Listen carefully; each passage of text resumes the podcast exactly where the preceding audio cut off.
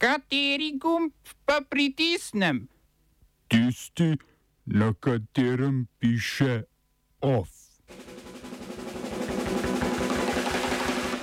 Litovsko švrcanje kaljevega karbonata iz Belorusije. Kriza z elektriko v Srbiji. Grožnje najvišjim državnim predstavnikom od danes preganjene po uradni dolžnosti. V kulturnih novicah predpremiera plesne predstave Oh, kako zelo običajno v dvorani Kina Šiška.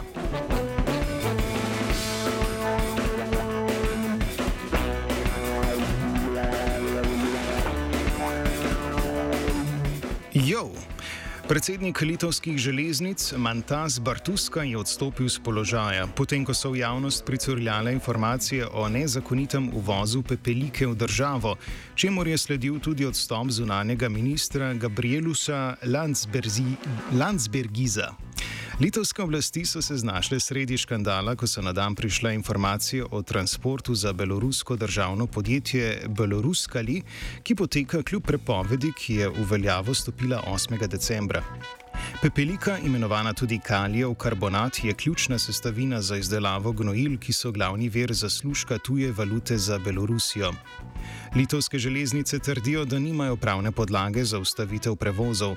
Tamkajšnja opozicija je izpostavila, da je nezakonit uvoz poslabšal odnos države z zahodnimi zaveznicami. Litva je v preteklosti ostro obsodila politiko predsednika Aleksandra Lukašenka, Evropsko unijo in ZDA pa je pozvala k uvedbi čim ostrejših sankcij proti Belorusiji.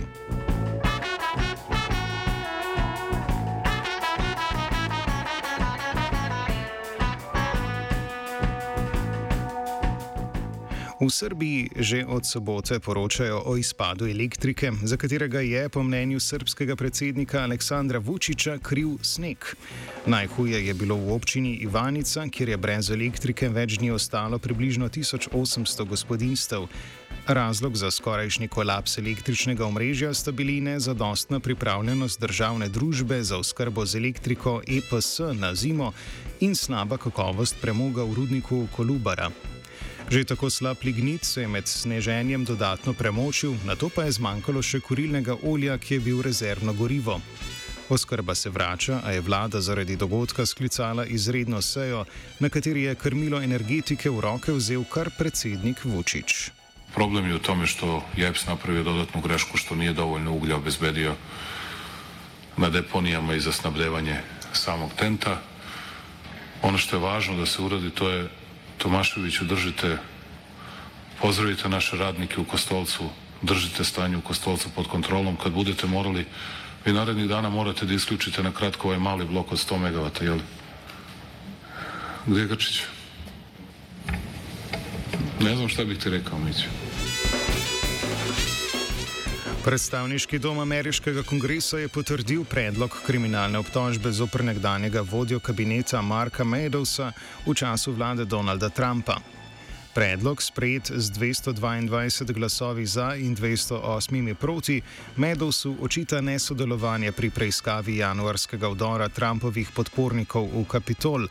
Ali se bo postopek nadaljeval, mora zdaj odločiti Ministrstvo za pravosodje. Predlagane obtožbe bi za Medovsa sicer pomenile tudi leto dni zaporne kazni.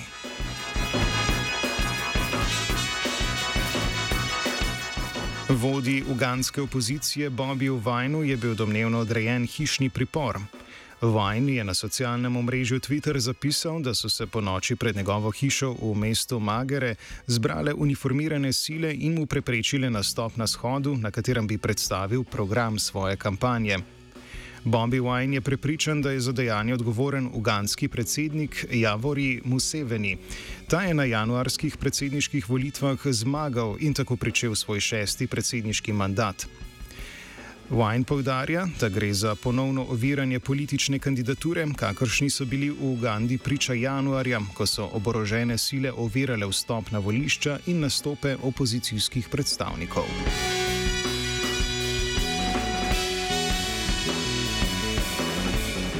Ameriški senat je potrdil zvišanje dovoljene meje za javni dolg.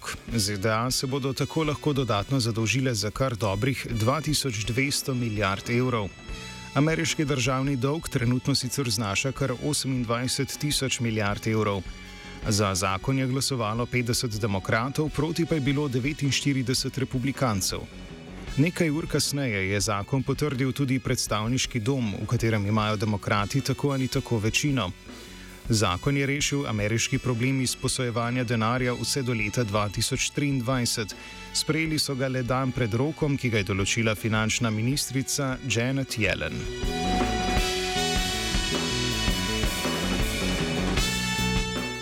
Združeni arabski emirati so odstopili od nakupa ameriških lovskih letal F-35. Posel težak približno 20 milijard evrov je sklenil prejšnji predsednik, ameriški predsednik Donald Trump. Ameriška stran je na to začela postavljati dodatne pogoje in omejitve tehnologije, ki naj bi jo imela ugrajena letala. Kot so povedali v Washingtonu, si politika ameriške vlade prizadeva za ohranjanje vojaške prednosti Izraela v regiji.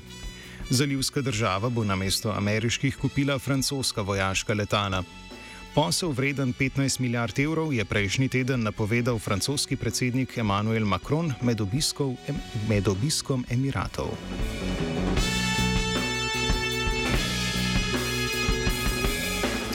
V Gani se začenja doba novih protikoronskih ukrepov, ki tokrat zadevajo tudi letalske družbe.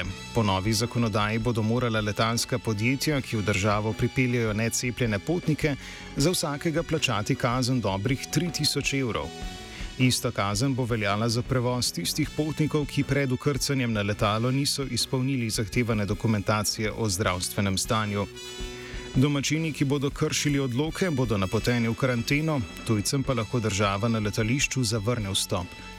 Ukrepe so sprejeli, ker je po ocenah Ganskega ministrstva za zdravje 60 odstotkov vseh novih okužb prišlo z letališča. Gana ima sicer ene izmed najstrožjih ukrepov med državami Zahodne Afrike.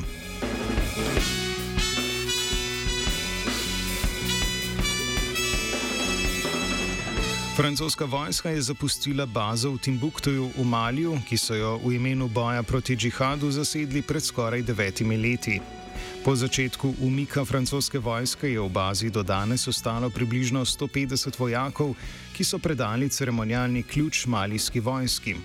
Zaradi lokalnega nasprotovanja in dejstva, da več francoskih vojakov pomeni več napadov skupin povezanih z Al-Kaido, bo Francija Maliju, svoji bivši koloniji, pomagala na druge, še neopredeljene načine.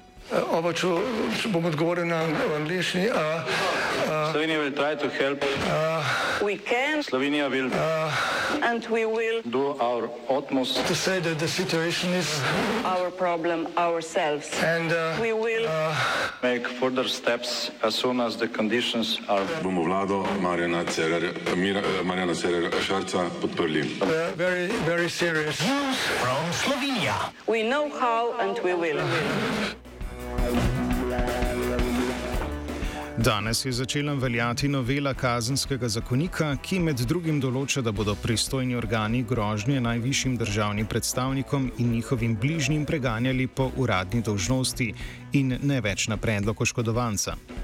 Podobne rešitve je koalicija želela dodati že sprejeti noveli zakona o varstvu javnega reda in miru, ki je sprva za nedostojno vedenje do javnih oseb in najvišjih predstavnikov oblasti predvidevala denarne kazni. Predlog je bil kasneje razširjen na kaznovanje nedostojnega vedenja do vseh državljanov, a novela ni prejela dovoljšne podpore.